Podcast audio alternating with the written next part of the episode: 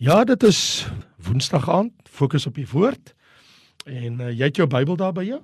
Maak asseblief saam my oop. Johannes hoofstuk 1 vers 19 as jy kan saam lees, andersins kan jy maar net saam luister. Ek lees graag vir jou daar van vers 19 af. Johannes hoofstuk 1. En dis die getuienis van Johannes toe die Jode uit Jerusalem priesters in Lewiete naam gestuur het om te vra wie is u? En hy het erken en nie ontken nie, maar het erken ek is nie die Christus nie. Toe vra hulle hom nou wat dan? Is jy Elia? En hy sê ek is nie. Is jy die profeet? En hy antwoord nee. Toe sê hulle vir hom wie is u? Dat ons antwoord kan gee aan die wat ons gestuur het. Wat sê u van u self? Hy antwoord ek is die stem van die een wat roep in die woestyn. Maak die pad van die Here reguit, soos Jesaja die profeet gesê het. En die wat gestuur was, was uit die Fariseërs. En hulle vra hom en sê vir hom: "Waarom doop u dan as jy nie die Christus of Elia of die profeet is nie?" Johannes antwoord hulle en sê: "Ek doop met water, maar onder julle staan hy vir wie julle nie ken nie. Dit is hy wat na my kom, wat voor my geword het, wie se skoenriem ek nie waardig is om los te maak nie." En dit het gebeur in Betabara, oor kan die Jordaan, waar Johannes besig was om te doop. En die volgende dag sien Johannes Jesus na hom toe kom en hy sê daar is die lam van God wat die sonde van die wêreld wegneem. Dit is hy van wie ek gesê het, na my kom 'n man wat voor my geword het, want hy was eerder as ek. En ek het hom nie geken nie, maar dat hy aan Israel geopenbaar sou word, daarom het ek gekom en met water gedoop. En Johannes het getuig en gesê ek het die gees soos 'n duif uit die hemel sien neerdal en hy het op hom gebly. En ek het hom nie geken nie, maar hy wat my gestuur het om met water te doop. Hy het aan my gesê: "Op wie jy die gees sien neerdal en op hom bly, dit is hy wat met die Heilige Gees doop."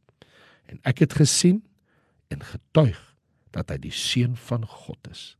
En die volgende dag het Johannes weer daar gestaan en twee van sy disippels. En toe hy Jesus sien wandel, toe sê hy: "Daar is die lam van God." En die disippels het dit hoor sê. Hulle het hom dit hoor sê en hom Jesus gevolg. So dit bring vir ons in ons reis, want dis mos maar wat ons nou doen, ons reis deur die Bybel en ons reis deur die evangelie van Johannes wat ons teks vir teks en hoofstuk vir hoofstuk deur beweeg bring die reis ons nou by die plek waar ek en jy kyk na die getuienis van alle getuienisse. So kom ons laat toe dat die woord van die Here ons harte baie diep indruk by hierdie geleentheid, soos die Here dit bestem het. So in hierdie inleiding want Johannes 1 is die inleidende hoofstuk tot die boek Johannes. In hierdie inleiding tot die Johannes Evangelie of die Evangelie volgens Johannes, die apostel. Ons praat nou van die apostel Johannes. Fokus hy nou op die getuienis van sy naamgenoot Johannes, maar hierdie Johannes die Doper. En die apostel Johannes vertel nou vir ons wat is Johannes die Doper se getuienis oor Christus en ook oor homself. Dit het ons nou net gelees daarvan vers 19 tot vers 37 in Johannes 1. Nou ons leer uit die ander evangelies dat Johannes die Doper het merkwaardige ouers gehad. Sagaria en Elisabeth. Onthou dit is Johannes die Doper wat Jesus aan die wêreld voorgestel het. Hy het besonderse ouers gehad want beide sy pa en ma kom albei uit die stam van Levi, die priesterlike stam. So die verskyning van die engel Gabriël aan Sagaria in die tempel terwyl hy diens gedoen het in die heiligdom was 'n geweldige ding.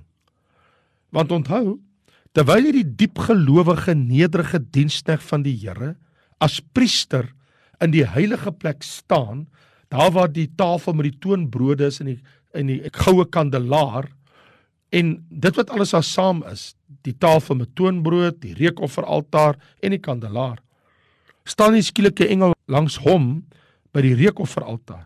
En dit is verstommend as 'n mens daaroor nadink dat dit is die eerste keer in 400 jaar dat 'n engel aan 'n mens verskyn.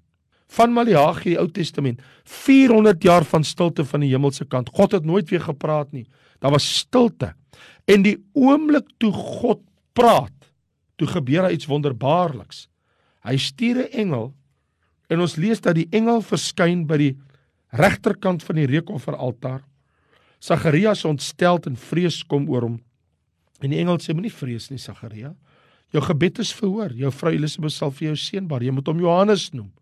En hy sal baie van die kinders van Israel bekeer tot die Here hulle God. Hy sal voor hom, dis die Here, dis voor Jesus, uitgaan in die gees en krag van Elia om die harte van die kinders en die ongehoorsaames tot die gesindheid van die regverdiges om vir die Here 'n toegeruste volk te berei.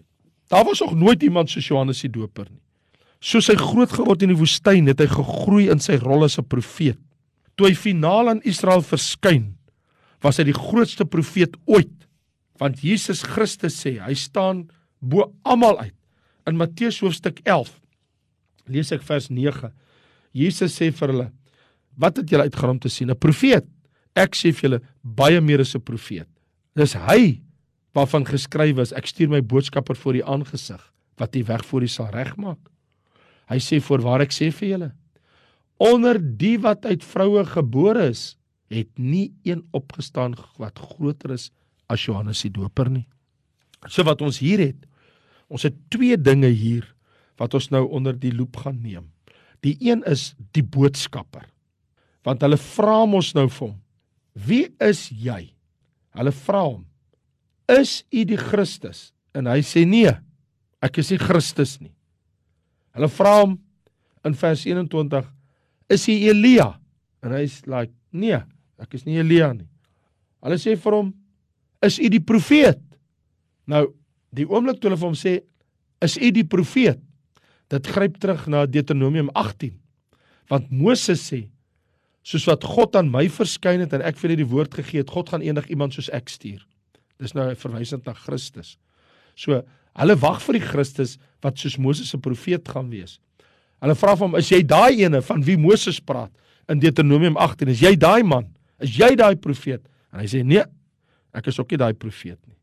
Dan sê hulle vers 22. "Maar wie is hy dan? Hoekom doen hy wat hy doen?" Hy sê, "Ek is die stem. Die stem van een wat roep." En hy gee vervulling in Jesaja 40 vers 3 tot vers 5 waar die Here gesê het dat hy gaan die volgende doen. As jy jou Bybel wil oopmaak daar by Jesaja 40, jy sommer saam met my lees. Daar staan in vers 3 tot 5 'n stem van een wat roep berei in die woestyn die weg van die Here maak 'n gelykpad in die wildernis vir ons God elke dal moet gevul word elke berg en heuwel klein gemaak word die bult moet 'n gelykte en die rotsagtige plekke laag te word alle vlees sal dit sien Die heerlikheid van die Here sal geopenbaar word want die mond van die Here het gespreek. Hy sê, dis wie ek is. Ek is daai stem. Ek vervul daardie profesie. En onmiddellik kom hierdie boodskapper en hy vat die fokus van homself af weg. Baie predikers wil die fokus op hulle self laat val. Nie Johannes nie. Hy draai die gesprek weg van homself na Jesus. Want hy sê vir hulle opvolgend, hy sê ek doop met water, maar onder julle is een wie se skoenriem ek nie waardig is om los te maak nie. Ek is nie waardig om sy skoenriem los te maak nie. In hoofstuk 3 vers 30 sê hy moet meer word, ek moet minder word. In Matteus 3 vers 11 sê hy ek is nie waardig om sy skoene te dra nie.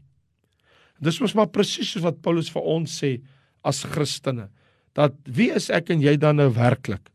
staan daar dan nie in 2 Korintiërs 4 vers 5 want ons verkondig nie onsself nie maar Christus Jesus as Here. 'n Dienskneg van Christus verhef nie homself nie.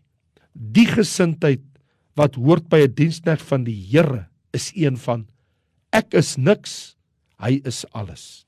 Ek is niks, hy is alles. Ek sê ek is niks en hy is alles. En dit was Johannes die Doper se getuienis. En dit behoort die gesindheid te wees en die getuienis van elke boodskapper wat van Christus getuig. Elke stem wat oor Christus praat, behoort hierdie gesindheid te hê. Ek is nie waardig om sy skoenriem los te maak. Ek is nie waardig om sy skoene aan te trek. Ek moet minder word. Hy moet meer word. Maar nou is hier 'n tweede deel. Ek het mos gesê in hierdie gedeelte vir jou gelees het, vers 19 tot 37 is die twee baie sterk dinge wat uitkom. 1 is die boodskapper. Johannes is net 'n boodskapper. Dis wat ek en jy is. Ons is maar net 'n boodskapper. Maar dan, hier is die boodskap. Nou fokus die apostel Johannes op die boodskapper se boodskap. En wat is die boodskap? Vers 29. Die volgende dag sien Johannes Jesus na hom toe kom en hy sê daar is die lam van God wat die sonde van die wêreld wegneem. En die volgende dag sê dit weer in vers 36.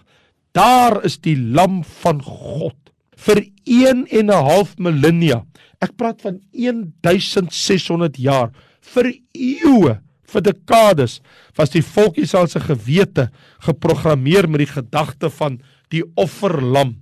En Johannes die doper, die profeet Johannes die doper, maak die stelling daar is die lam van God wat die sonde van die wêreld wegneem. So hy profeteer, daai man is die lam, hy gaan die sonde wegneem. Wat jy geweet dat hierdie man wat dit sê, ja, Hy het geweet daar kom iets verskrikliks toe hy dit sê, want hy het geweet daar sal 'n groot prys betaal moet word. Want Jesaja 53 verklaar mos vir ons dat as hy die lam is, wat hy as 'n lam moet doen. Lees ons in in hoofstuk 53 van Jesaja, daar van die 5de vers af staan daar. Maar hy is ter wille van ons oortredinge deurboor, ter wille van ons ongeregtighede is hy verbrysel. Die straf wat vir ons die vrede aanbring was op hom en deur sy wonde daar vir ons genesing gekom. Ons het almal gedwaal so skaap, ons het elkeen sy eie pad geloop, maar die Here die ongeregtigheid van ons almal op hom laat neerkom. Hy is mishandel hoewel hy onderworpe was. Hy het sy mond nie oopgemaak nie soos 'n lam wat na die slagplek gelei word. Ja, hy het sy mond nie oopgemaak nie. En dit is wat die doper in gedagte het. Daar is die lam van God. Hy is die offerlam. Jesus is die lam wat die wêreld se sonde gaan wegneem. Dit mag ons nooit vergeet nie. Maar wie wat? Johannes was nie net 'n profeet nie, hy was 'n priester. Want onthou dat Johannes die Doper se ma en pa kom uit die priesterlike linie van Aaron. En hier is 'n priester. En het jy geweet dat 'n priester moet die lam ondersoek voordat die lam geoffer is op die Pasga? En hier kom God se priester Johannes, die profeet priester en hy sê daar is God se lam. Jy geweet, ek en jy kan nooit die offerlam uit ons godsdiens uithaal nie. Ons kan nooit ooit wegbeweeg van daardie gedagte nie. Die Christelike godsdiens is 'n godsdiens van bloed. Die Bybel sê in 1 Johannes 1 vers 7 die bloed van Christus reinig van sonde. Matteus 26 vers 28 die bloed van Jesus hy sê hierdie is my bloed die bloed van 'n nuwe testament of soos in Hebreërs 10 vers 19 en 20 die bloed van Christus bring ons op 'n nuwe en 'n lewende weg of soos in Openbaring 7 vers 14 die bloed van Jesus hulle het hulle klere gewas en wit gemaak deur die bloed van die lam. Of soos Openbaring 5 vers 9 die bloed van Jesus gekoop uit elke stam en taal en volk en nasie. Of soos Johannes 20 vers 28 dat hy die gemeente verkry deur sy bloed of soos Romeine 5 vers 9 sê dat elke gelowige is geregverdig in die bloed van Jesus. Of Efesiërs 1 vers 7 wat sê dat deur sy bloed het ons die verlossing die vergifnis van ons misdade. Of soos Hebreërs 9 vers 14 sê Christus se bloed reinig ons gewete. Of soos Openbaring 1 vers 5 sê en ons gewas het van ons sondes deur sy bloed.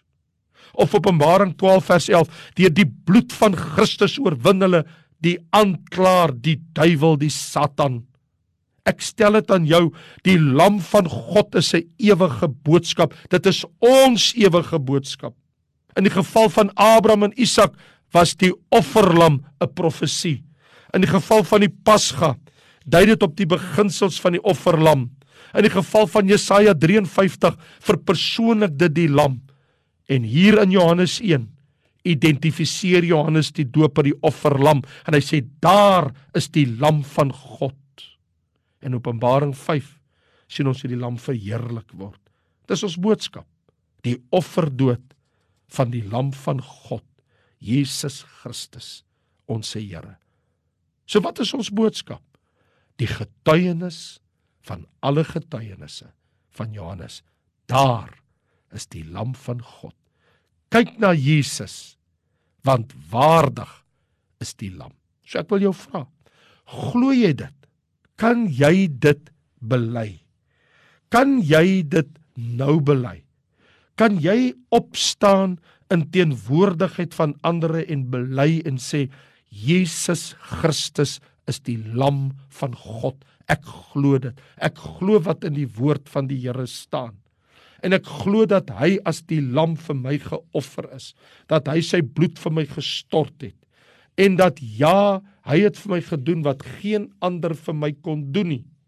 En dit is dat hy vir my soos die woord van die Here sê in Jesaja 53 dat hy het geen gestalte of heerlikheid gehad dat ons hom sou aansien nie geen voorkoms dat ons hom sou begeer nie Hy was verag en deur die mense verlaat, 'n man van smarte en bekend met krankheid. Ja, soos een vir wie 'n mens sy gelaat verberg.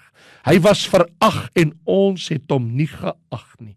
Nogtans het hy ons krankhede op hom geneem en ons smarte die het hy gedra.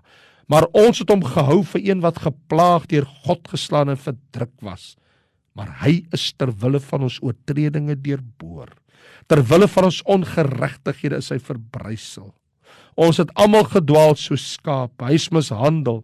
Hy het sy mond nie oopgemaak nie, soos 'n lam na die slagplek en God sal dit sien. Want dit het die Here behaag om hom te verbrysel. Hy het hom krank gemaak. As sy siele skuldoffer aanbied, sal hy 'n nakroos sien. Weens die moeitevolle lyde van sy siel sal hy dit sien en versadig word en deur sy kennis sal my knegt die regverdige baie regverdig maak en hy sal hulle skuld dra. Daarom sal ek hom 'n deel gee onder die grootes en met magtiges sal hy buit verdeel, omdat hy sy siel uitgestort het in die dood en saam met die oortreders getel was, terwyl hy tog die sonde van baie gedra en vir die oortreders gebid het. Glo jy dit? Bely jy dit? Kan jy dit nou bely? Kom ons bid saam. Here, dankie vir die lam. Dankie vir die offer van die offerlam. Here, ons glo waardig is die lam. Daar is die lam van God wat die sonde van die wêreld wegneem. Die fokus is nie op die boodskapper nie, Here, dis nie op my nie, dis nie op ons nie, maar dit is op die een wie die lam van God is. En ons bely Jesus Christus, U is die leeu en die lam. Die leeu uit Juda en die lam van God wat bestem was om die sonde van hierdie wêreld weg te neem. My sonde. Dankie Jesus dat U my gereinig het en gewas het deur U kosbare bloed. Ek loof U. Ek aanbid U. Waardig is die lam om geloof en geprys en geëer en verheerlik te word. Dankie Vader vir die lam wat U gestuur het. Amen. Nou ja, my tyd is op. Ek is Raymond Lombard en ja, volgende week as die Here wil, keer ons weer saam. Baie dankie en totsiens.